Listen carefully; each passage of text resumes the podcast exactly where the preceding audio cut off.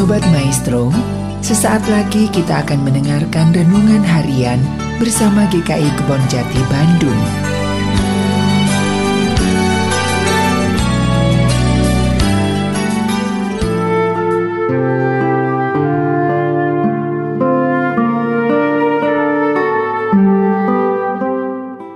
Salam sejahtera saudara-saudara, kembali lagi di dalam program Renungan Harian pada hari ini bersama saya, Diki.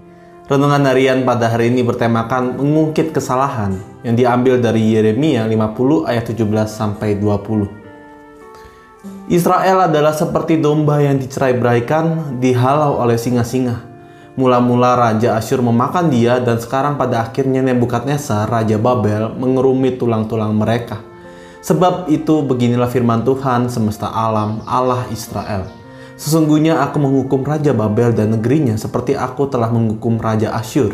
Tetapi aku akan mengembalikan Israel ke padang rumputnya supaya ia makan rumput di atas Karmel dan di Basan dan menjadi kenyang di atas pegunungan Efraim dan di Gilead. Pada waktu itu dan pada masa itu demikianlah firman Tuhan. Orang akan mencari kesalahan Israel tetapi tidak didapatnya dan dosa Yehuda tetapi tidak ada ditemukan sebab aku akan mengampuni orang-orang yang kubiarkan tinggal hidup. Uh, saudara-saudara, Bapak Ibu sekalian, uh, ada seorang pemuda yang suatu kali berbuat kesalahan kepada pacarnya. Ia membuat pacarnya kesal karena ia terlambat dan membuat pacarnya menunggu lama saat dijemput. Namun ketika pemuda tersebut meminta maaf, sang pacar mengatakan, "Oh, ya udah, hmm, nggak mm, apa-apa, kelihatannya dia nggak kesal. Kelihatannya dia baik-baik saja dan pemuda itu ya sudah karena tidak ada masalah ya udah e, biasa saja. Namun ternyata pada esok harinya pacarnya tersebut mengungkit kesalahan yang kemarin. Dengan cara apa? Menyindir-nyindir. Terus begitu sampai bahkan pacarnya tersebut terus menyindir mengungkit-ungkit kesalahannya bahkan berbulan-bulan. Di tempat yang lain suatu tempat pasangan yang lain gitu ya ada juga sepasang muda-mudi yang lagi berpacaran. Mereka pada saat itu juga bertengkar. Karena sang pemuda, sang laki-laki melupakan dari ulang tahun pacarnya.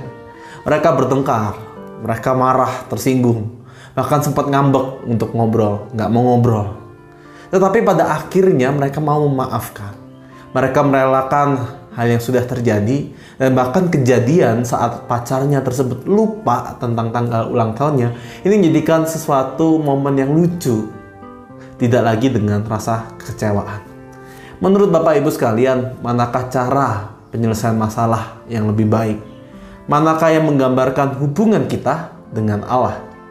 Melalui perikop ini kita dapat melihat bahwa Allah mengasihi kita dan kasihnya merupakan kasih yang kudus yang bebas dari rasa marah dan rasa kebencian.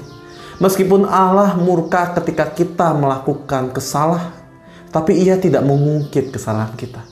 Ia juga tidak membiarkan kita selamanya dihukum oleh kesalahan tersebut dan memberi kita sebuah kesempatan untuk bertobat dan menempuh hidup yang baru. Kita memanglah merupakan seorang manusia yang berdosa, tapi Allah tidak melihat kita dari kesalahan yang pernah kita lakukan melainkan ia melihat kita dengan penuh kasih. Demikian juga ketika ada orang yang bersalah kepada kita. Maka marilah juga kita mengingat seperti doa yang diajarkan di dalam doa Bapa kami. Ya Tuhan, ampunilah kesalahan kami seperti kami juga mengampuni orang yang bersalah kepada kami. Setiap orang tentu punya kesalahan. Tidak ada orang yang luput dari kesalahan. Setiap orang pasti punya pengalaman rasa sakit hati. Tapi marilah kita berfokus buk untuk bukan melihat seseorang dari kesalahan, melainkan melihat kesempatan akan potensi pertobatan dan menjadikan orang yang bersalah itu menjadi orang yang jauh lebih baik. Satu dua bagi kita. Amin.